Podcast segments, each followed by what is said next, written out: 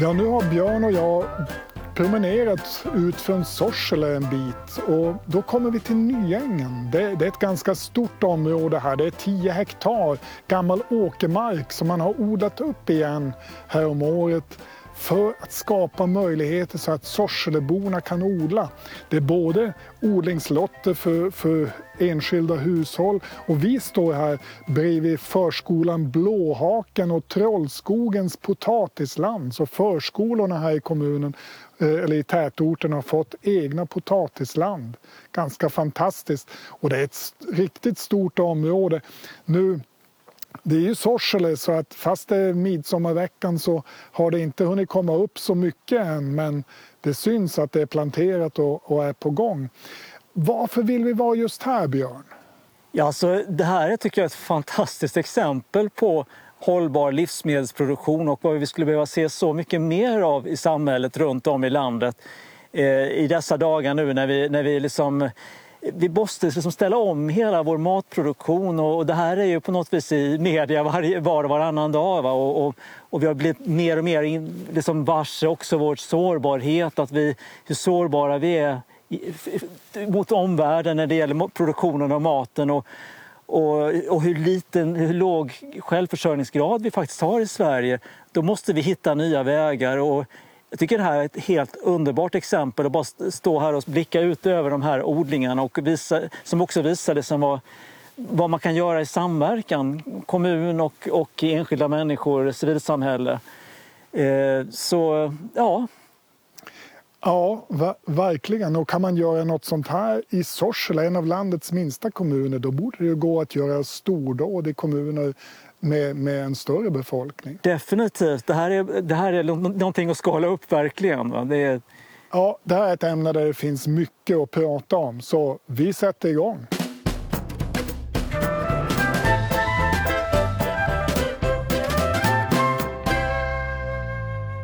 Visst skulle man vilja veta lite mer om Nyängen? Eh, jag tror vi ska ta och ringa upp Eva Bromé om en stund så, så får vi höra hur de har gått tillväga för att få till ett sånt här projekt. Men vi, vi gör det om en stund. Vi, vi börjar med att förklara varför det här med matproduktionen är en så viktig del av klimatomställningen. Exakt, och ja, och inte bara klimatomställningen för den delen utan sett från alla omställningens eh, infallsvinklar om man säger så. Men eh, börjar vi med klimatet så har ju det moderna industrijordbruket och den industriella livsmedelsproduktionen som ju säkert alla är väl medvetna om idag en väldigt starkt negativ miljöpåverkan, klimatpåverkan och utgör också en av de absolut största klimatpåverkarna alla kategorier, både direkt kan man säga och indirekt. Eh, och det vi hör mest om kring jordbrukets klimatpåverkan idag rör ju sånt som ja, metangasutsläppen från boskap och markanvändningsmetoder, markförstöring som frigör bundet CO2 till atmosfären. Och då tänker jag även på hur man till exempel i andra delar av världen omvandlar regnskog till odlings och, och köttbetesmark. Och så naturligtvis också den, den stora klimatpåverkan generellt från köttproduktionen i världen. Eh, och nu kan man ju säga så, eh, naturligtvis all form av matproduktion har ju någon form av miljöpåverkan oundvikligen men industrijordbruket har en negativ påverkan i så många led och man tar, ja, tar till exempel bara den enorma omfattningen, alltså transportapparaten kring den globala transportapparaten av foder och andra insatsvaror eller produktionen av konstgödsel som ju är starkt beroende av fossilgas exempelvis. Alltså uppräkningen kan göras lång. Och eh, kanske du har lust att tillägga någonting om, om detta om eh, ja, data till exempel om hur ser det ut med, med jordbrukets jo, nej, klimatpåverkan? Det, det, det, finns ju lite olika studier men, men de jag har sett säger ju att åtminstone en fjärdedel av, av alla på utsläpp som påverkar klimatet kommer från jordbruket. Faktiskt eh, en studie som jag, som jag var väl relativt färsk som jag såg, de, den sa att det, det snarare är 30 procent för att då hade man som tittat på just det här systemet av transporter som omger hela jordbrukssektorn. För att det är både själva produkterna som transporteras, det är insatsvarorna som transporteras korsan och tvärsan över världen och det är även arbetskraften som, som transporteras. Alltså, bärbranschen i, i norra Sverige är ett exempel på det. Där, där många av de som jobbar med att plocka bär kommer från andra sidan jordklotet. Men, men sen är det ju det är lite lurigt det här som du var, inne på. Alltså för annars är det, handlar det mycket om koldioxid genom att man bränner fossila bränslen. Men, men här är det ju en massa andra utsläpp också. Faktiskt, kollar man på det svenska jordbruket, den, den enskilt största saken, det är ju läckaget för mark. Eh, att, att, helt enkelt när man håller på att böka runt i jordbruksmarken då, då har man hela tiden risken att det frigörs koldioxid. Just. Använder man rätt metoder, ja, men då kan man hålla det nere. I norra Sverige har vi goda förutsättningar för det. Eh, men det, det, är ett problem. Och sen har vi det här med, med gödselhanteringen som avger lustgas. Och sen har vi korna ja. som det pratas och idisslarna ja. som Visst, det pratas exakt. en del om. Vi kommer nog till, tillbaka till dem. Men, men det, det, är en lite mer komplicerad problematik eh, än det här rena att man måste sluta elda fossila bränslen. Det är ganska klart. Ja, exakt. Sen är det ju också klart att allting hänger ju samman och, och, och, det är svårt att sätta några exakta siffror på nu, som i det här fallet, jordbrukets klimatpåverkan. För vad, för vad är liksom, det, men det, det, det det är väldigt många olika faktorer här och det är transporter och det är, det är andra faktorer som och hur, hur, räknar man? Men, men vi, kan ändå konsta, vi kan ändå sluta oss till att det, påverkan, den negativa påverkan är högst avsevärd. Men sen handlar det ju då förstås inte heller bara om klimatpåverkan utan också om sårbarhet och Eh, pandemin och Ukraina-kriget har ju ökat, verkligen ökat medvetenheten om den svenska livsmedelsförsörjningens utsatthet. Och nu har det ju funnits en diskussion om det här sedan ganska många år men, men som det har verkligen tror jag, de senaste, senaste två, tre åren så har det ju verkligen kommit upp på agendan. Och vårt land är ju väldigt beroende av import av, av ja, men både livsmedel och insatsvaror till jordbruket också från, från omvärlden. Och det handlar om sådant som kraftfoder som då ofta kommer från Latinamerika och det handlar om bekämpningsmedel och konstgödsel från den globala marknaden och så vidare. Och när nu hela världen skakas som den, som den ju gör idag så, så blir ju också den här sårbarheten mycket mer uppenbar. Eh, för när allt kommer omkring, det här är ju då förstås inga nyheter, det, det här är frågor som så att säga, vi som folkbildare om, om omställningen har ju försökt lyfta sedan många, många år om den här sårbarheten. Men eh, plötsligt så är ju leveranserna från den globala marknaden inte längre lika självklar som den, som den nyss kunde tyckas. Va? Och här kan man också lägga till att det finns ju i, i detta med sårbarheten också en resurskomponent. För dagens jordbruk är ju starkt beroende av insats från fossil energi och andra ändliga råvaror. Råvaror som vi nu sett på senare tid skena i pris och där tillgången i flera fall också även stryps på grund av vad som händer i Ukraina och på andra håll i världen. Ehm, så att för att stärka upp för vår livsmedelssäkerhet så skulle vi helt enkelt behöva stärka eh, vår inhemska, alltså, ja, inhemska matproduktion både lokalt och nationellt. Och I detta ligger ju bland annat att säkra mer mark för livsmedelsproduktion. Mark som idag kanske ligger i träda eller används för, för andra ändamål. Eh, och du har ju, Arne, du har ju eh, varit med och skrivit en bok om mat och klimat uppe i norr, nordliga hörnet. Så hur ser förutsättningarna ut i vår nordliga landsända? Skulle du kunna säga lite, lite allmänt jo, om? Nej, men det, det, där var ju ett väldigt, väldigt givande projekt att få vara med i. Vi var ett gäng svenska och ryska journalister som tittade just på förutsättningarna för matproduktion och klimatomställning i norra Sverige, norra Finland och nordvästra Ryssland närmare bestämt ryska Karelen. Och det, det vi såg det, det, var ju för det första att det finns ju en massa jordbruksmark. Det är så man ska se på den här marken som, som har tagits ur bruk under de senaste årtiondena. Alltså, ser man bara på Norrbotten och Västerbotten så är det 36 500 hektar sedan 1980 som har, ta, har tagit ur bruk. Det är, en, det är ju avsevärda arealer. Det är som blir det kvadratkilometer? 36? Eh, 365 kvadratkilometer. Det är ganska mycket, då börjar vi prata... Mycket, ja, ja, visst. Och, och alltså, I Ryssland handlar det om 30 miljoner hektar på, på hela landet. Oh, och, och, så att alltså den positiva sidan av, av det myntet det är att det går att se att det skulle gå att producera så mycket mer mat. Det finns verkligen en, en potential om man, om man sen kollar på, på det här med markläckaget som, som ju då är den största enskilda delen av, av utsläppen i, i Sverige så har SLU gjort försök här uppe, alltså Lantbruksuniversitetet som visar att förutsättningarna för att hålla nere de utsläppen de är ganska goda i, i vår del av landet. Och, och, det, så det är ju en, en också en tillgång. Och beroende på vad man odlar eller beroende på metoder eller beroende på både och? Så eller?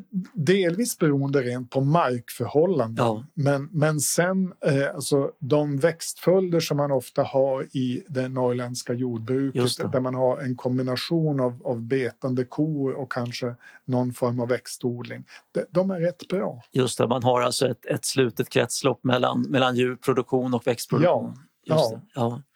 Hur är det här med, om jag bara sticker in, det här med ja. plöjningsfritt jordbruk, är det någonting som kommer in i det här också eller som det ja, talas en hel del alltså om idag? Det, det finns ju metoder för, för att minska just det här markläckaget och, och, en grundregel är att ju mindre man håller på att röra runt i marken desto mindre sådana här läckage får man. Så att eh, det, det är något, ett, ett sätt att minska det här läckaget. Sen finns det också vissa jordar som man ska akta sig för. Alltså eh, gamla sjöbottnar, torvmarker. Där är ju risken för, för stora markläckage extra stor. Men sen, alltså kylan kan ju framstå som ett problem många gånger här uppe. Men det är också en tillgång visade sig. För att i ett kallt klimat behöver man mindre av bekämpningsmedel. Man får helt enkelt in mindre av skadeinsekter, svampangrepp och sådana saker. Det brukar ju sägas att eh, päron här uppe, alltså potatisen som odlas här uppe i norr, att man behöver inte någon bekämpningsmedel. Man, man odlar, kommersiellt odlar potatis i norra Sverige. Precis, det var, det var sånt som vi fick höra från ja. potatisodlare bland annat som vi, vi pratade med. Att, att de behöver mycket mindre bekämpningsmedel och också mindre insats av, av konstgödsel. Sen en, en, annan tillgång som vi har, kanske någonting du tänker ta upp, men, men eh, under, under odlingstid är ju det, det, det, långa dagsljuset, alltså att vi har många timmar ljus. Jo. Även om vi inte kanske har de högsta temperaturerna så... Ja men precis, och det, det bidrar ju till att det faktiskt går att odla ganska mycket.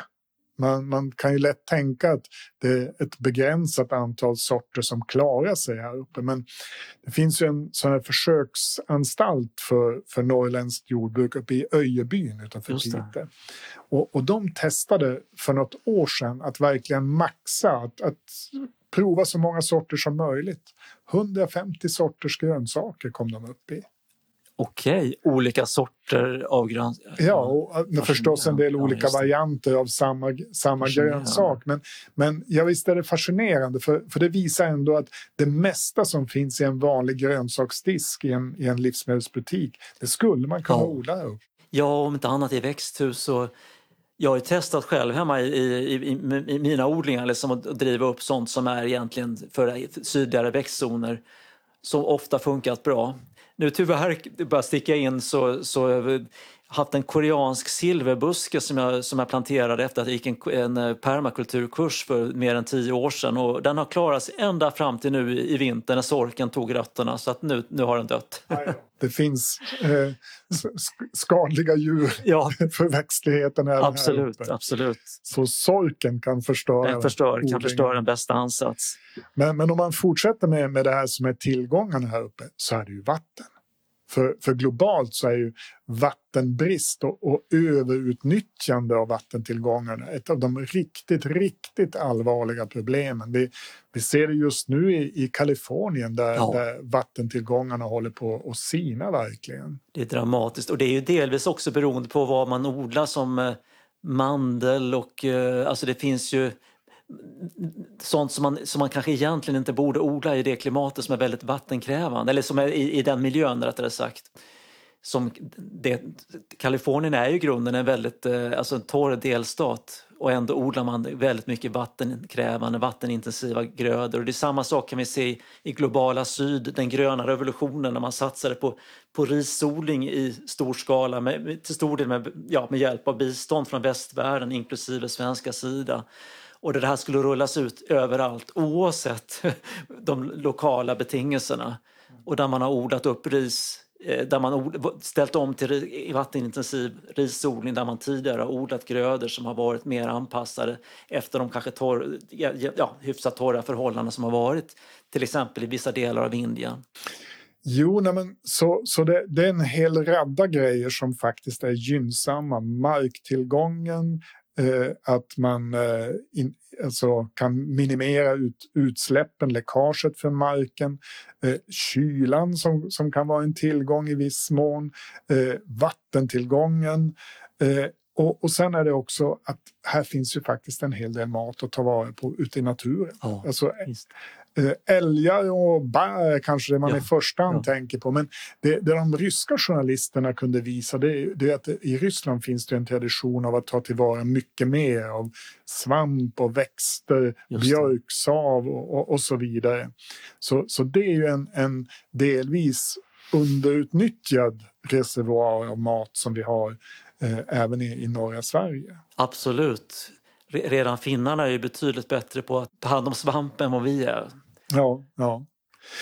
Och om man då, då ser de här i grunden väldigt goda förutsättningar så är det förstås det sorgliga att det, det inte utnyttjas utan att trenden istället har, har gått i, åt motsatt håll. Alltså, i, I Sverige var självförsörjningsgraden när vi gick in i EU ungefär 75 procent. Nu är den nere på 50 procent och, och det är för hela landet. Det ser betydligt sämre ut om man tittar på de, de nordliga länen. Då är man nog nere under 0,3. 30 procent självförsörjning. Ja. Och det där är ju också väldigt mycket en effekt av alltså medveten jordbrukspolitik som har handlat om att vi ska satsa på billiga importlivsmedel. För det var ju den, den rådande trenden väldigt länge, man kan säga fram till ja, men senare år. Och jag minns när man var ute och pratade om de här frågorna för sådär 15 år sedan och när man talade, använde ord som självförsörjningsgrad och sånt där i vissa sammanhang så blev man liksom vad ska jag säga, beskylld för att vara en bakåtsträvare och sådär. Och, och, så låter det inte idag, utan idag finns det ju en medvetenhet. Det har ju verkligen hänt någonting, även om trenden fortsatt går åt fel håll. Sen är ju det här med självförsörjningsgrad och, och sånt är ju också ett, ett lurigt begrepp, för hur mäter man det? Och egentligen är det väl faktiskt så att vår självförsörjningsgrad är ännu, längre än de, ännu lägre ursäkta, än de här 50 procenten som, som vi eh, talar om. För att Eh, på något vis allting hänger ihop och, och, det vi trots allt försörj, försörjer oss på själva där, där, har vi, där är vi ändå ofta beroende av insatsvaror från omvärlden. Så att det, om man väger in sånt också så ser nog siffrorna ännu lite dystrare ut skulle jag gissa. Jo, sannolikt är det så, visst. Men här här kommer vi in på någonting som kanske, eller rättare sagt leder vidare till någonting som jag tycker är väldigt spännande och, och det är ju möjligheten till så säga, mer, alltså en högavkastande matproduktion från självhushåll och små jordbruk. För om man pratar småskaligt jordbruk så behöver inte det, så som jag ser det i varje fall, är inte det samma sak som att det är lågavkastande utan man kan ha ett, ett ett, eh, ett småskaligt jordbruk som också är högavkastande.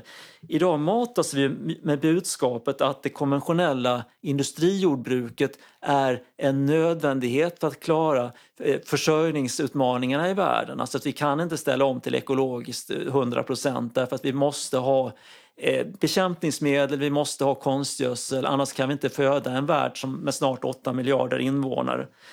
Ändå är det ett faktum att det mesta av matproduktionen i världen alltjämt kommer faktiskt från småjordbruk. Och eh, det är, du, visst är, det här är väl någonting som, som, är, som är säkert är många av er som lyssnar på det här känner till, men, men där produktionen är mer också mångfaldig jämfört med industrijordbrukets monokulturer. Och, eh, eh vad med sig så är produktionen från, från de här småjordbruken sammantaget då mer högavkastande och det beror ju bland, också på en sån sak som att man bland annat på det faktum att man utnyttjar marken bättre och har slutna kretslopp mellan växt och djurproduktion, alltså en, en mer intensiv produktion på, på, än vad man ser i de här monokulturerna.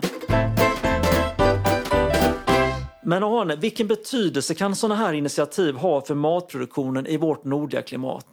Alltså det, det vi såg under arbetet med, med boken det, det, var ju hur det här ser ut i, i Ryssland. För att i, i Ryssland finns det en lång tradition av att människor har odlingslotter. Och, och då, då är det ganska stora lotter som man har, alltså 600-700 kvadratmeter ofta. Och så har man sin lilla stuga, en dacha, på, på den här odlingslotten. Och det finns 30 miljoner sådana i hela Ryssland. Alltså det är en helt, helt enorm siffra. Det, det bor mindre än 150 miljoner i landet och 30 miljoner sådana här odlingslotter. Och det, det, har funnits under lång tid, men under 90-talet när hela ekonomin bara kollapsade efter Sovjetunionens sammanbrott eh, så, så var det här helt livsavgörande för många familjer. Det, det var mm. det här som gjorde att man hade mat på bordet överhuvudtaget. Och eh, det, det våra ryska kollegor kunde visa då i sina reportage det var ju att, att det här verkligen betyder någonting. Det, det, man har inte bara potatis, man har grönsaker, man har ja. bärbuskar, man konserverar både frukt och bär och, och svamp.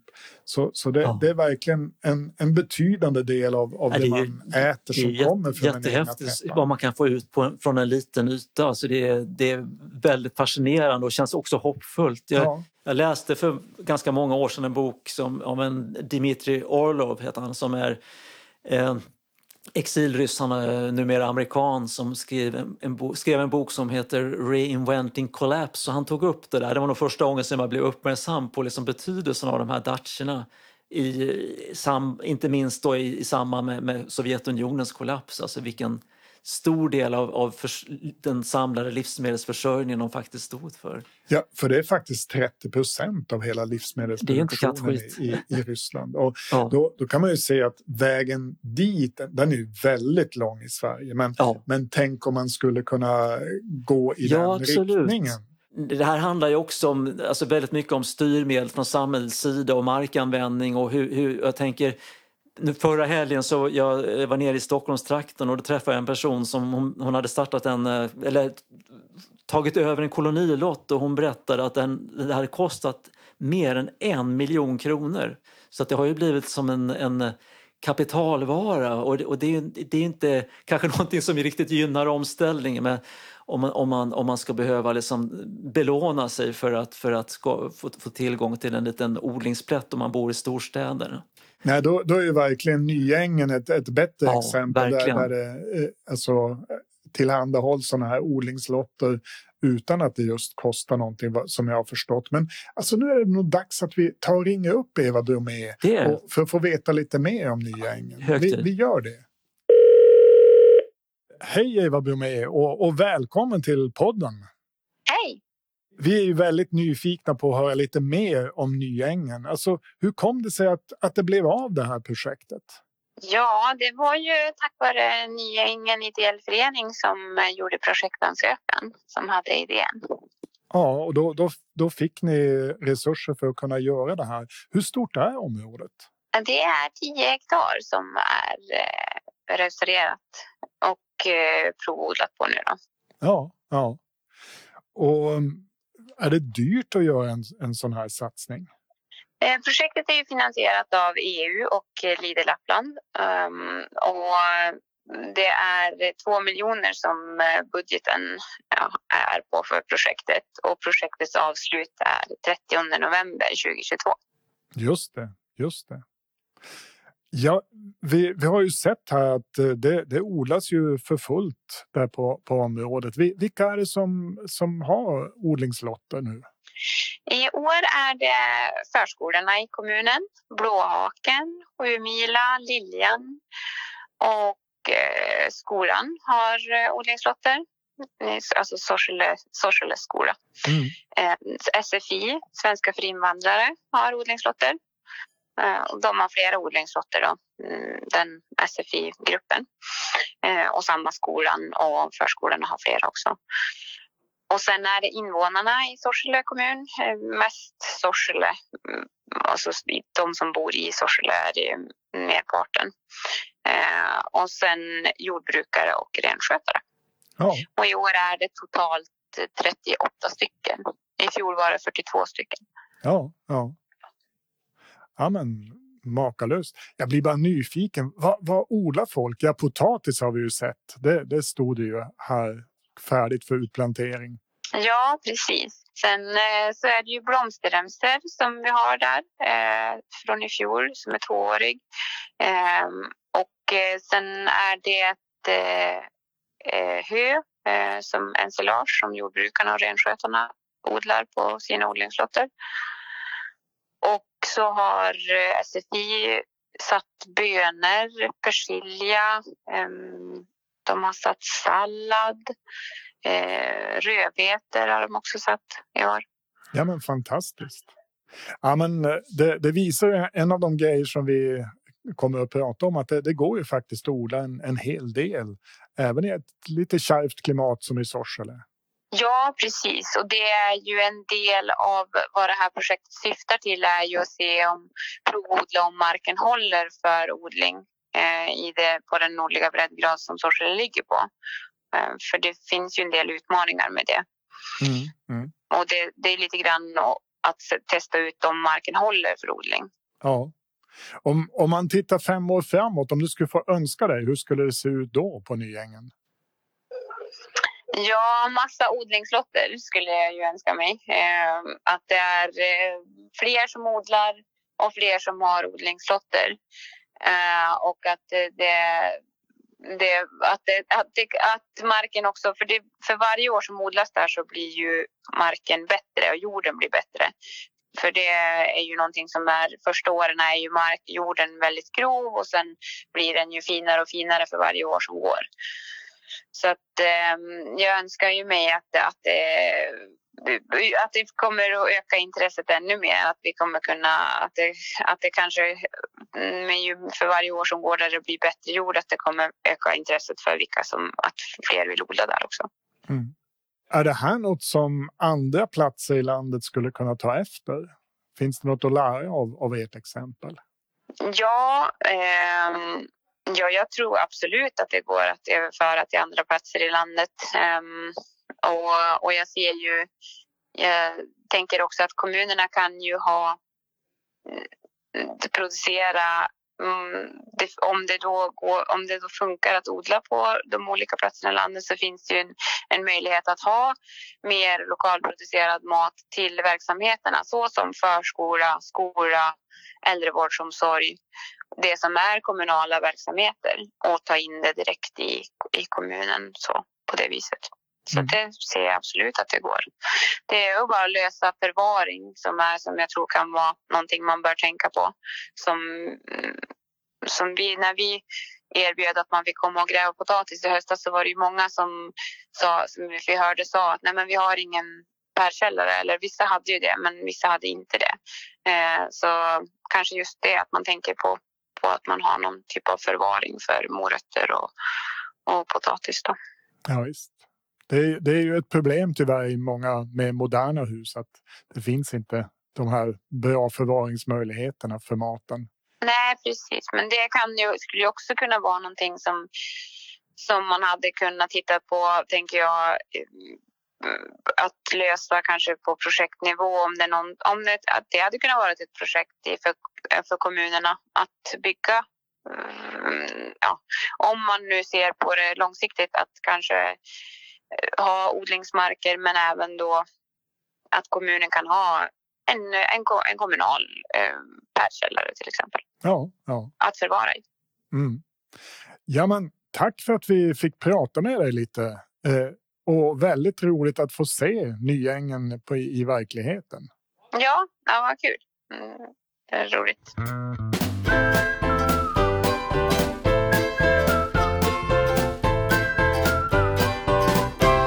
Ja, men det här var ju verkligen intressant att höra. Alltså, tänk Sorsele, det är ju en av landets till befolkningen minsta kommuner. Ja. Och tänk att, att man där kan göra en ändå så pass ambitiös satsning. Det, det här visar ju vad som skulle kunna vara möjligt om man gjorde det ja. i alla landets 290 kommuner. Jag, jag bara räknade, det är ju lite konstig beräkning kanske, men, men om, om man skulle göra det proportionellt till invånarantalet eh, något motsvarande som Nyängen, då skulle man få 40 000 hektar jordbruksmark i, i landet. 40 000 hektar? Om man kopplar till befolkningsmängd, ja. ja. Ja, det är ju, det är ju fascinerande. Det är, som sagt, det, det finns enorma möjligheter och eh, det, det, finns ju också, många kommuner har ju, har ju marktillgångar som man, alltså det är, det är kommunägd mark som skulle kunna ställas om. Alltså att... och nu, nu är ju inte Sorsele den enda kommun man, där man gör den här typen av satsningar. Det finns en hel del andra bra exempel. Eh, så, men, men det skulle gå att, att sprida det här ännu mycket mer eh, runt om i landet i olika stadsdelar kring städerna och så vidare. Absolut, och så vidare. absolut. Och vi kommer säkert tillbaka till det alldeles strax. Jag, jag tänker en hel del av det som rör jordbruket styrs ju av jordbrukspolitiken på riksplan och på EU-nivå. Men vad kan kommunerna göra förutom att se till att det finns odlingslotter? Jo, nej, men det är faktiskt en hel del och, och vi, vi, såg exempel på det under arbetet med, med boken. Härjedalens kommun de, de har valt en lösning där man har skaffat kommunala kor. Alltså man Eh, låter eh, ett antal kor som kommunen eh, köper in bo hos en av bönderna i kommunen och, och sen så småningom så blir de alltså till mat på äldreboenden och, och förskolor och skolor i, i, kommunen. Det är ju otroligt fascinerande. Vet du liksom hur, man, hur man har tänkt där, hur snacket har gått och vad, vad, vad, vad som ligger bakom det här initiativet? För det det, jag har inte hört något liknande någon, nej, annanstans de, ifrån. De är nog ensamma än så länge om det här, men, men det är ju ett sätt att, att verkligen kunna garantera att man får lokalproducerad ja. mat och på, på, ett sätt som samtidigt eh, stöder och, och ger stadga åt, åt de, de bönder som, som finns i Jättekul, för annars brukar det ofta framföras att sånt här då, liksom att, att, att det blir som en oskälig konkurrens med, med privata näringsidkare och sånt, den typen av argument. Men, men här är det som en slags win-win. Ja. ja. En, en annan variant på samma tema det är Skellefteå kommun som har valt att direktupphandla alltså från enskilda förskolor och äldreboenden till närmsta bonde. Eh, ja, ja, ja. Och, och då, då, ingår som jag förstår i det här konceptet också att Eh, man får då göra studiebesök från förskolorna och äldreboenden på gårdarna. För där, där kommer vi in på en gammal surdeg, det här med, med upphandlingsregelverken och sånt. Och det är ju någonting som har, som har cirkulerat runt nu i alla, tänk, alltså, så, så länge jag kan minnas nästan, att man, man eh, brukar ju då ofta argumentera att det, det går liksom inte att, att som kommun upphandla av lokala producenter därför att EUs regelverk sätter stopp för det här. Men, men det, med, det går alltså med kreativa medel kan man faktiskt göra det. Om man, om man spesar upphandlingskriterierna tillräckligt väl och så vidare så, så går det. det. det. går att göra och det, det är väl det kommuner börjar upptäcka nu. Eh, att, att visst, man måste tänka sig för hur man gör men det är möjligt att, att göra upphandlingarna så att man faktiskt kan rikta dem till till eh, producenter som finns i närheten. Ett annat exempel är inlandskommunerna eh, här i Västerbotten som, som bröt ut köttfärsen ur sin livsmedelsupphandling. Och då kunde ja. eh, ett, ett antal lokala eh, jordbruk då ta ja, hand om ja, den, den leveransen. Och det här är sånt som du har tittat på i, i din klimatbok också? Ja, ja, ja. Så eh, det, det är ju bra att se att kommuner kan göra sådana här satsningar som ju verkligen betyder någonting. Och, och att, att, man kan se att en hel del kommuner höjer ambitionerna både när det gäller eh, hur maten är producerad och att den är producerad i, i närområdet. Så, så det är den positiva sidan. Sen måste man ju säga att det finns också en negativ sida. Alltså fortfarande är det ju så att en hel del kommuner bygger eh, olika saker på jordbruksmark. Alltså, min hemkommun Umeå är ett dåligt exempel, där, exempel. där man har byggt ett Ikea-varuhus på riktigt bra jordbruksmark. Jag var ju nyligen i Holland för att studera samhällsplanering och eh, där har man ju en väldigt mycket mer restriktiv policy för när det gäller externhandel. Det finns såna här eh, köplådor utanför städerna även i Holland men de, är, de här anläggningarna är sällan i samma storleksklass som här i Sverige. Inte lika många i förhållande till, till folkmängd och, och så. Och typiskt nog, vi, vi cyklade då ut, jag och en kollega då till, eh, vi var i, i Gröningen, jag ska inte ens försöka mig på att uttala det, det går inte om man inte är holländare själv, men Groningen i norra Holland och eh, Eh, för att bara titta hur en, en sån här anläggning ser ut i Holland och naturligtvis frontades den av ett IKEA-varuhus. Sverige som exportör av en ohållbar samhällsplanering. Men men, eh, men där har man åtminstone förstått att, att liksom värdesätta jordbruksmarken på ett annat sätt än, än, än vad vi fortfarande har gjort i, i, våra svenska kommuner, kanske med något undantag. Så nej, jag håller med dig. Det, där är ju, det, det är väl den utveckling det vi så ofta ser, liksom den här dubbelheten, att det, i det lilla så sker det väldigt mycket positivt nu. Bra, många bra initiativ, men tittar man sen på den stora trenden, den eh, dominerande, så går det fortsatt åt fel håll att man exploaterar, fortsätter att exploatera jordbruksmark till exempel för att bygga parkeringsytor och sådant. Eh, jag jobbade ju själv med livsmedelsfrågor och livsmedelssäkerhet och sådana saker under ett par år i Indien och eh, jag har också som forskare undersökt en hel del spännande ansatser eh, till omställning och matproduktion både i Sverige och i omvärlden. Och det jag känner är att det finns otroligt mycket att lära av de som går före och mycket av den här kunskapen är ju också sånt som är överförbart, alltså oavsett vilk, så att säga, klimat, vilken, vilken del av världen man, man tar de här exemplen från så är tänkandet är ofta överförbart även, även om det är liksom ett exempel, som till exempel ett indiskt exempel till en, den svenska kontexten. Eh, och jag ska inte kanske fördjupa mig jättemycket kring det här men, men eh, Eh, jag var, gjorde ett återbesök i Indien för ungefär fem år sedan och besökte då också organisationer som jag jobbade med där nere när jag bodde där. Och, och vad man nu arbetar väldigt mycket med, det, det finns en anläggning som, som, jag, som, som ligger då i, där, där nere i Sydindien, Tamil Nadu, eh, Kudumbaum heter den, som, eh, där man har under ganska lång tid utvecklat i ett, i ett liksom grunden väldigt torrt, en torr miljö, alltså ett halvöken landskap har man återskapat bördighet genom väldigt raffinerade metoder i en, väl, alltså en miljö där det är väldigt stor vattenstress.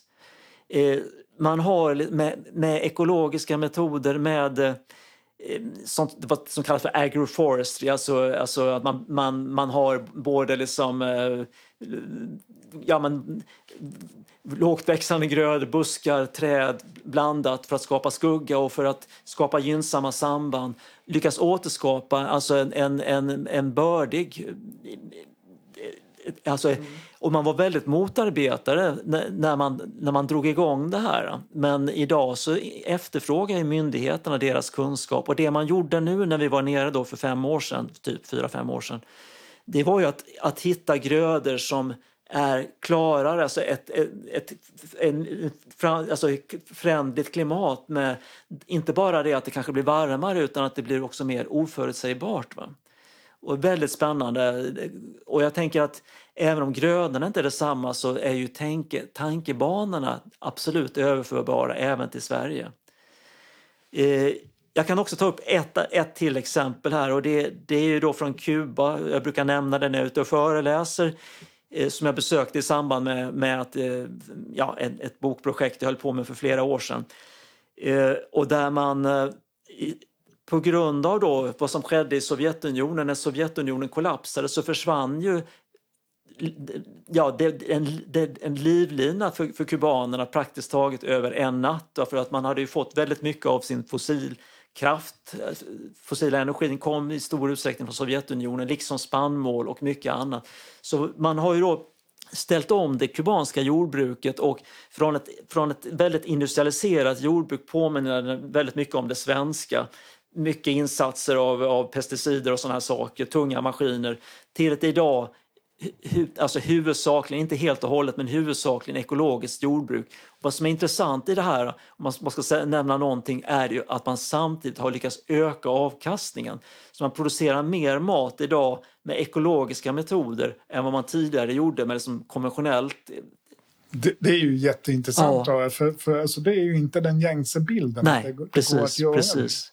Så det känns väldigt spännande. Och, eh, 2009 så gick jag ju då, jag nämnde nyss en certifieringskurs i permakultur och jag kom i, i den vevan också det året hem som fulltankad med inspiration efter att ha studerat lyckade exempel på urban odling i, i bland annat då som jag nämnde här i Kuba och även i Nordamerika, stad som Detroit och på, och på andra ställen. Och vad som är slående är ju, tycker jag, hur otroligt mycket som har hänt inom de här områdena här hemma i Sverige sedan dess. För då var ju det här med urban odling, det var ju någonting, okej okay, det fanns ju kolonilotter sedan gammalt men, men eh, det var ju någonting som man, som man såg på med ganska stor misstro och misstänksamhet från politiskt håll och där, där har det verkligen förändrats till det bättre skulle jag säga. Eh, samtidigt som naturligtvis den större utvecklingen går åt fel håll. Men, men som sagt, det vi har sett tittat på i Sorsele idag är ju, ett, är ju ett fantastiskt exempel på vad vi skulle behöva se mycket, mycket mer utav. Eh, den del av jordbruket som ändå är skapligt stor här uppe i, i vår del av landet är ju kor och mjölkproduktion. Men samtidigt så pekas ju nötkreatur och köttproduktionen ut som ett stort problem i klimatomställningen. Hur, hur ska vi se på det här Arne? Jo, men det, det, här är verkligen en lurig fråga. För det, I ett globalt perspektiv så är det ingen fråga, tvekan om att kor är ett stort problem. Alltså särskilt då uppfödning av köttdjur som inte får gå och beta utan som matas med spannmål. Eh, och om man dessutom hugger ner regnskog för att odla sojabönorna som de ska äta, ja men då blir det riktigt, riktigt höga eh, utsläpp per, per kilo kött från de här djuren. Så om man, men om man försöker bena ut det här då, så en grej som jag tror att de flesta har hört talas om det är ju att korna rapar metan. Och det är en växthusgas som är ganska stark, alltså den är betydligt starkare än koldioxid.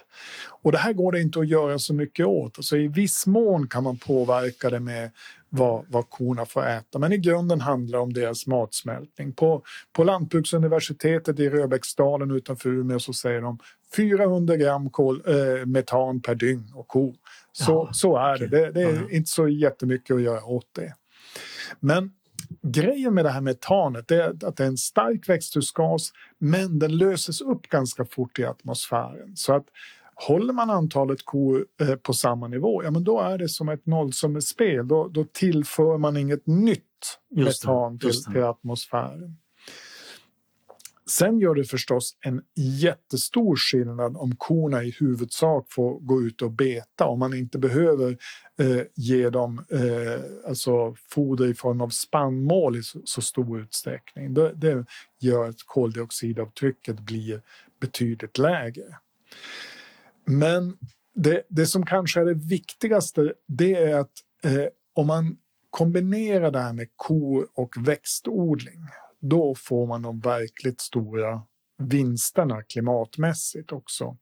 Och överhuvudtaget så får man få ett, med, ett, ett hållbart jordbruk om man, om man gör så. Det är en, en gammal erfarenhet. Det, det, är så jordbruket såg ut om man går en hundra år eller så tillbaka i tiden. Då hade man ju oftast både växtodling i någon form Precis. och man hade, hade, höll djur. Och vi, vi såg det här hos en potatisodlare utanför Piteå i Böle för han hade då samtidigt kor eh, och korna försåg nästan alla potatislanden och de var många och stora med gödsel. Så det är oh. den första vinsten av den här kombinationen. Nästa grej var att eh, det blev en bra växtföljd. För att man kan inte odla potatis på samma marker år Nej, efter exakt. år. Kombinationen av kor gjorde att han hade potatis ett år, sen hade han spannmål ett år och sen hade han ett par år med, med vall, alltså gräs helt enkelt av olika slag. Och så kunde han eh, som fortsätta att ha den här följden eh, i omgång efter omgång. Och pricken över i de här skorviga och lite små potatisarna, ja men de åt ju korna så att all, ingenting gick till spillo. och det här som du säger, det, det, låter ju ganska självklart egentligen men det är ju inte det längre. Det, med det moderna, eller med, moderna säger men industrijordbruket har ju, har ju liksom gjort det här vi har, som, vi har separerat eh, olika saker så att det, alla som naturliga kretslopp har brutits upp och vi importerar från omvärlden kraftfoder och vi och vi, vi, vissa jordbrukare specialiserar sig på växtproduktion och andra på djurproduktion. Och, och det är klart att det finns ju naturligtvis eh, exempel på, på fungerande växtföljder och sådär men, men, men det som borde vara det självklara är det inte i, i dagens jordbruk. Nej, och, och det, det, går verkligen att se att här skulle det finnas vinster av de här kombinationerna. Och det, det man kan se i, i norra Sverige det är ju att, att det kanske skulle behövas mer av växtodling. Ja. För, för kor har vi relativt sett gott om, men, men växtodling har vi... Inte minst i Burträskbygden där jag bor. Ja. Men, men definitivt, de kor vi har finns det utrymme för det, det, det i, i, i det jordbruk vi har här, här uppe. Sen finns det förstås andra åtgärder också. Vi såg exempel på, på bönder som, som, som producerar biogas av, av kornas bajs och där, därmed försörjer hela gården med energi och får mm. ut ett bra gödsel dessutom. Så, så det går ju verkligen att, att se att det, det går att hålla kor på ett sätt som är, är hållbart. Ja, just det, just Inte minst i, i, i, ett nordligt klimat. Hur, hur, tänker du kring, kring kossorna, Björn? Ja, alltså, men jag håller ju med i ditt resonemang och jag kan ibland i diskussionen sakna eh, proportioner för att det, det finns ju många då som menar, i, till exempel i omställningsrörelsen, att betesdjur i själva verket är en, en del av lösningen på klimatkrisen. Och jag håller med verkligen. Eh, nu, nu, är inte jag någon expert och jag har inte siffrorna men, men det, det finns väldigt övertygande resonemang kring detta. Och så, att, att, att, faktiskt betande djur, kor och andra betande djur har en viktig roll i att, att liksom, eh, hålla, att skapa naturliga kretslopp och att hålla nere utsläppen av, av CO2. Paradoxalt nog då, när det gäller korna. Men samtidigt så kommer man inte ifrån att det mesta av dagens köttproduktion är ohållbar och eh, Eh, ja, bland annat då för, av som vi redan varit inne på, att naturliga kretslopp med näringsåterföring och så i stor utsträckning är brutna. Och såklart också för att vi i västvärlden, eller säga, den, den, den rika delen av den, den globala medelklassen konsumerar alldeles på tok för mycket kött. Så köttkonsumtionen måste ju ner dramatiskt och vi kommer nog inte att kunna klara liksom en, eh, ställa om till att, till att vi skulle bli eh, 8 miljarder eh, människor som lever på beteskött. Alltså, eh, nu bortser jag från att en del av oss är vegetarianer, men, men eh, alltså att det, det, det, det, är liksom inte, det är inte rimligt utan vi måste få ner köttkonsumtionen samtidigt som vi ställer om den till, till, alltså till att bli mer hållbar. Eh, även när det gäller metoderna. Och, Eh, Eh, jag tänker också att del, delvis kanske det här kommer bli självreglerande nu, alltså bara till en viss del med tanke på de samlade kriser vi ser för den globala livsmedelsförsörjningen och hur till exempel priserna på, på konstgödsel har skenat iväg och, och andra saker som vi ser sker runt om i världen nu, att det kommer nog och att stigande priser på maten delvis tror jag att bli en, en, bidra till en, en utveckling i den här riktningen, alltså att vi minskar köttkonsumtionen. Eh, men med allt det sagt så har ju ändå betesdjuren en viktig roll i en, en hållbar livsmedelsproduktion i en småskalig men också höga och kastande, jag vill understryka det, livsmedelsproduktion.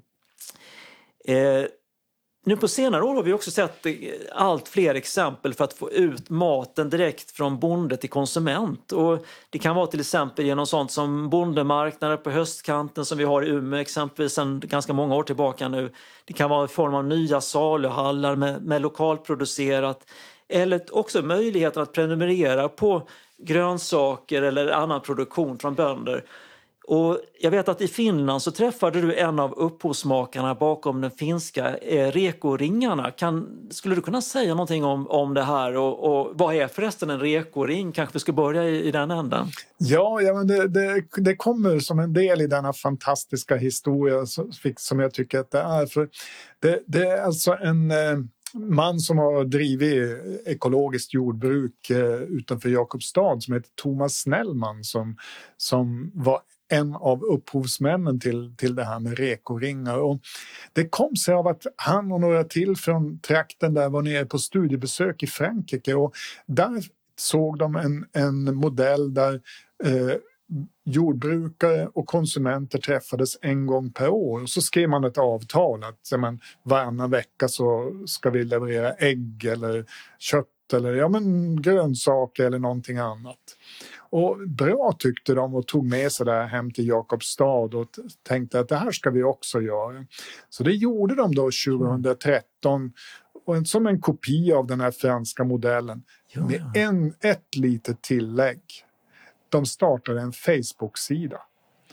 Och inom några månader hade ju det här omvandlats för det här med helårskontrakt, det, var, det är lite krångligt då, då, måste man ju vara säker på att man verkligen kan leverera de här sakerna. Och det, det kan man ju inte alltid styra över om det blir dålig skörd något år.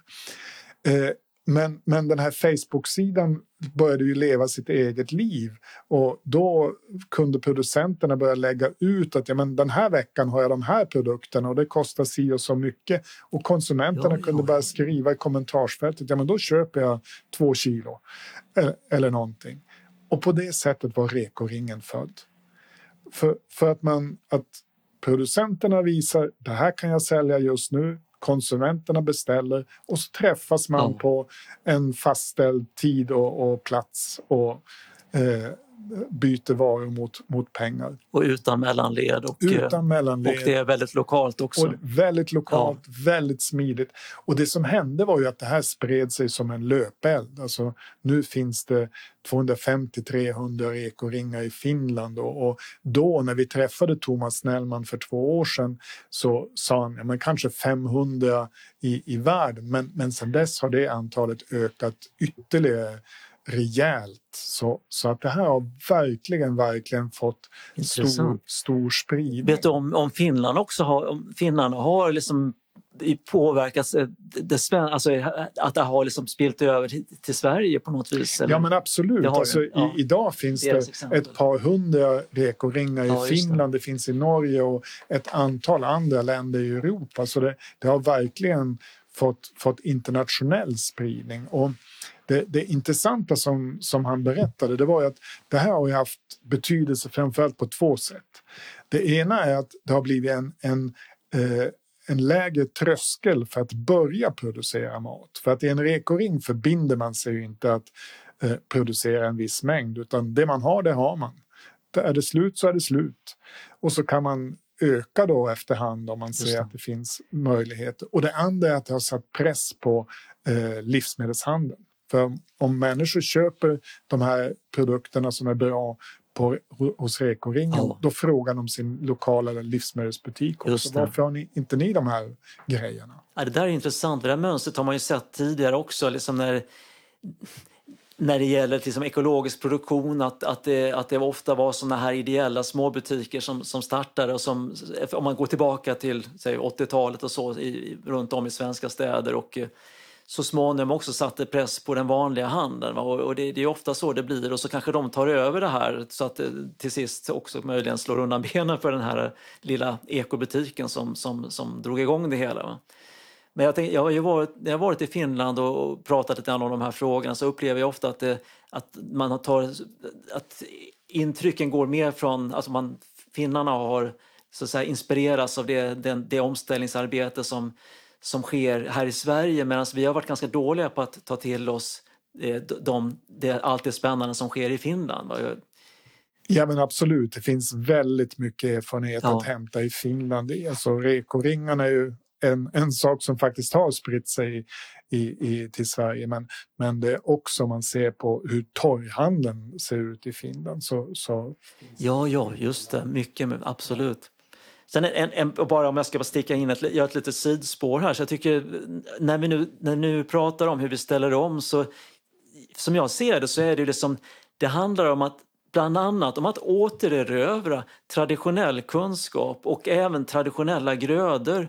Och det ser man ju till exempel då i, på många håll i syd, alltså att när, när, man, när man jobbar med hållbar livsmedelsproduktion att man kanske återgår till sådana grödor som man har odlat traditionellt. Och det, det här är ju lika som är, som är mer som anpassade efter, efter platsens förhållanden och sådana saker. Men samtidigt ska man inte heller kanske idealisera allt som är förknippat med den gamla tiden. Och för att om man tittar på svenskt jordbruk långt tillbaka så var det ju ofta väldigt ensidig växtföljd faktiskt. Och man utarmade jorden och sen så småningom kom de här hushållningssällskapen som, som försökte liksom få ordning på det här och hitta former för en mer högavkastande. Men, eh, men jag tänker alltså i, i, min, i min idealbild så att säga så, så kombinerar vi det här traditionella kunskapen. Vi lär av, av, av ja, men, eh, återerövra metoder, kanske traditionella grödor med nya moderna metoder som man har utvecklat exempelvis inom permakulturen. Och, och i, det, I den liksom skärningslinjen tror jag det finns väldigt mycket att, att, att hämta, liksom, en, en otrolig potential. Men vi har ju också det här med, med lönsamheten och dagens jordbrukspolitik och EU-regelverk gynnar ju i väldigt hög grad en ensidig storskalig produktion och storbönder före småbönder. Har vi några tankar kring hur man kan ändra det här Arne? Och vad som behöver göras politiskt och eh, kanske vad som kan göras alldeles oavsett eh, hur EU-politiken ser ut till exempel? Ja, så det, det, är ju både ett enkelt och svårt svar på den frågan. För, för det, det enkla svaret är att eh, idag får bönderna betalt per kilo och per liter. Men för att det ska gå att, att bygga ut jordbruket, matproduktionen här uppe i norr så krävs det också att man får ordentligt betalt för miljönyttan. Det, det är den principiella förändringen som måste ske. För annars kommer det inte att gå. Det, det kommer aldrig att gå att producera lika mycket per hektar i ett nordligt klimat som det går att göra eh, i Skåne eller mm. i Mellaneuropa. Men däremot så, så är den matproduktion som vi kan ha här uppe väldigt, väldigt viktig om man ser till att vi behöver ett, ett hållbart jordbruk med, med låga klimatutsläpp. Så, så ja, ja. Alltså, och det, det är lätt att säga det här men det, det är en väldigt stor förändring mm. som, som naturligtvis i, i stora avseenden krockar med EUs nuvarande jordbruk. Absolut. Sen kan man ju spekulera, hur kommer det att bli nu? Vi har ju sett bara som nu i år liksom vad, vad klimatet, förändringarna ställer till med runt om i världen med, med hur det, alltså hur, med den negativa påverkan på livsmedelsproduktionen i, i stora regioner eh, i Europa och i omvärlden och att det här jag har svårt att tro något annat än att de här regelverken kommer att behöva förändras för att anpassas till, till liksom den, denna förändrade verklighet. Och det här borde i alla fall gynna liksom en, en, eh, en mer mångsidig produktion och, eh, och andra alltså styrmedel som, som, som, som liksom driver jordbrukspolitiken i den riktningen så att säga. Ehm, men eh, en annan stor utmaning att adressera som jag ser det är ju att yrkesverksamma bönder idag är ju, är ju en väldigt liten grupp i samhället, en krympande grupp i antal räknat. Och eh, för många av oss som odlar i mer begränsad skala och inklusive undertecknade så blir ju odlingen mer av en fritidssyssla och, och någonting som man, man gör vid sidan av sitt liksom, ordinarie arbete. Och där upplever jag i alla fall en kollision, liksom, och särskilt nu i dess, när vi spelar in det här, alltså man, det, det, är väldigt mycket tid ute i landet och, och liksom att man känner att det här är ju att det kolliderar med, med, med det som man då eh, professionellt arbetar med så att säga. I, i, därför att det tar helt enkelt väldigt mycket tid. och jag tror att det här är något som vi kommer att behöva ändra på. Och vad jag tyckte var intressant i Kuba, som jag ju nämnde nyss, här, var vilken otrolig försörjningsmotor livsmedelsproduktionen har blivit tack vare deras jordbruksomställning. Så att till exempel i Havanna så jobbar bortåt 36 000 invånare i, i Havanna professionellt på heltid som odlare eller med odling. Eh, har, du hört eh, de här siffrorna ja, tidigare? Det, det, det, hade jag inte hört. Men, men däremot, alltså det, det är intressant att du tar upp det för att, att eh, alltså utifrån arbetet med boken så har jag tänkt att, att här skulle i norra Sverige skulle man kanske aktivt kunna söka efter möjligheter till, till kombinationer. Alltså att man har möjlighet att, att jobba med, med jordbruk och matproduktion under sommarperioden. Man ja, kombinerar det exakt. med andra branscher, alltså säg eh, vinterturism till exempel under en annan del av Eller året. skrivande. Eller skrivande. Men det är så man skulle vilja ha det själv. Man kan ju beundra de här, jag tänker ofta på människor förr i världen, vilket otroligt slit Alltså att, att odla upp marken och allt vad som var kring det. Det var inte bara att odla upp marken, det var att bygga, liksom, det var liksom att föra upp de här fastigheterna för hand och med timret och allt. Och, och det här är ju... Men det är klart att det, det var också ett samhälle där det var ensidigt detta man jobbade med, med sin, med sin självhushållning så att säga. Så att det, eh, men men eh, vad, vad det landar i det här är ju ändå att väldigt mycket handlar ju om politik och eh, i fallet Kuba så har man ju då gjort, det finns mycket man kan kritisera det politiska systemet för i Kuba men man har politiskt satsat på detta, alltså att ställa om jordbruket. Och man har fått en, eh, en detta, alltså detta har på köpet då blivit som sagt en försörjningsmotor och inte Innan den här krisen man gick in i på 90-talet så var ju eh, jordbruksyrket i Kuba ett lågt eh, rankat arbete. Det hade väldigt låg status. Idag är det precis tvärtom. Och man har ju utvecklat alltså väldigt mycket spetskompetens. Alltså det är ute på de här odlingarna. Jag var ute och gjorde studiebesök på flertal odlingar. Det fanns många med forskarutbildning, till och med professorer och så som jobbade ute i fält va, med för att utforska gynnsamma samband mellan, mellan eh, mikroorganismer och olika grödor och, och hitta liksom bättre former att kompostera och så vidare. och Så vidare. Så det finns otroligt mycket att utforska. De betraktade sig som nybörjare trots att de i någon mening var liksom världsmästare i, i livsmedelsomställning. Så det, där tycker jag det känns hoppfullt när man, när man börjar titta på de här, vad, som faktiskt, vad vi faktiskt kan göra när, när när viljan finns i samhället och politiken.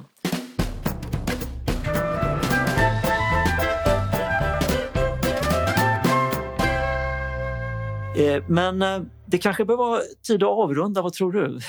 Jag har hunnit täckt över ganska mycket här. Ja men, ja, men visst, men visst är det ett fascinerande ämne och visst, visst går det i det som är problematiskt ändå att se möjligheterna och, och man kan imponeras över att det görs så mycket bra grejer som ja. Nyängen till exempel, men, men, det finns ju många fler. Och det finns liksom en livskvalitet i det här också och för mig då, så jag, jag håller som sagt lite grann på med odling på egen, för egen del, men även när man är ute och studerar sådana här exempel som, som Nyängen idag det, det, handlar också om att ta makten över utvecklingen för hela klimatfrågan idag tyngs ju väldigt mycket av vanmakt. Eh, och till stor del för att våra politiker inte vill axla ansvaret att, att liksom en skarp politik ställa om samhället utan att politikerna och politiken tvärtom i mångt och mycket gör sig till en del av problemet. Men den här typen av initiativ, alltså lokala odlingsinitiativ som jag sett eh, och ta, redovisat i, i Sorsele, det är klart att de löser förstås inte enskilt klimat och omställningsutmaningen men de ger ringar på vattnet, de, alltså ringar som på sikt också kommer att påverka utvecklingen i stort och i det tycker jag det ligger något väldigt lustfyllt i den här känslan av, kalla det för egenmakt, kanske, eh, att bryta beroenden till till destruktiva strukturer och med det också ta steg för att minska vår sårbarhet. Så, ja, men absolut. Ja. Alltså de, de stora förändringarna ligger ju på det politiska plan, men precis som du säger, det, det som är positivt att just när det gäller det, det här med, med, jordbruk och matproduktion, där, där kan ju alla på, på ett eller annat ja. sätt vara var med i klimatomställningen Absolut. och det, det är ju i sig värdefullt. Man kan till och med odla på sin, på sin fönsterbräda hemma om man, om man bor inne i stan till exempel, så att mm. alla kan vi göra någonting litet ja. på något vis. Det är väl en bra slutpunkt. Vi, vi avslutar där, men, men vi kommer ju tillbaka och nästa gång så ska vi prata om järnvägar. Jäklar då. Det blir spännande. Då säger vi adjö från Storuman där vi sitter just nu. Adjö. Adjö.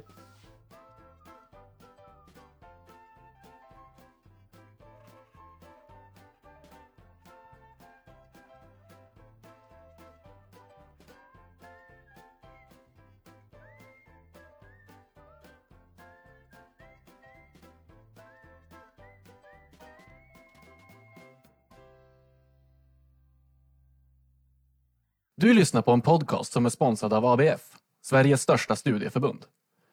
Vi jobbar för att göra en annan värld möjlig och vi hjälper dig att arrangera allt från studiecirklar och föreläsningar till kulturevenemang. Hör av dig till ditt lokala ABF-kontor så kommer vi igång.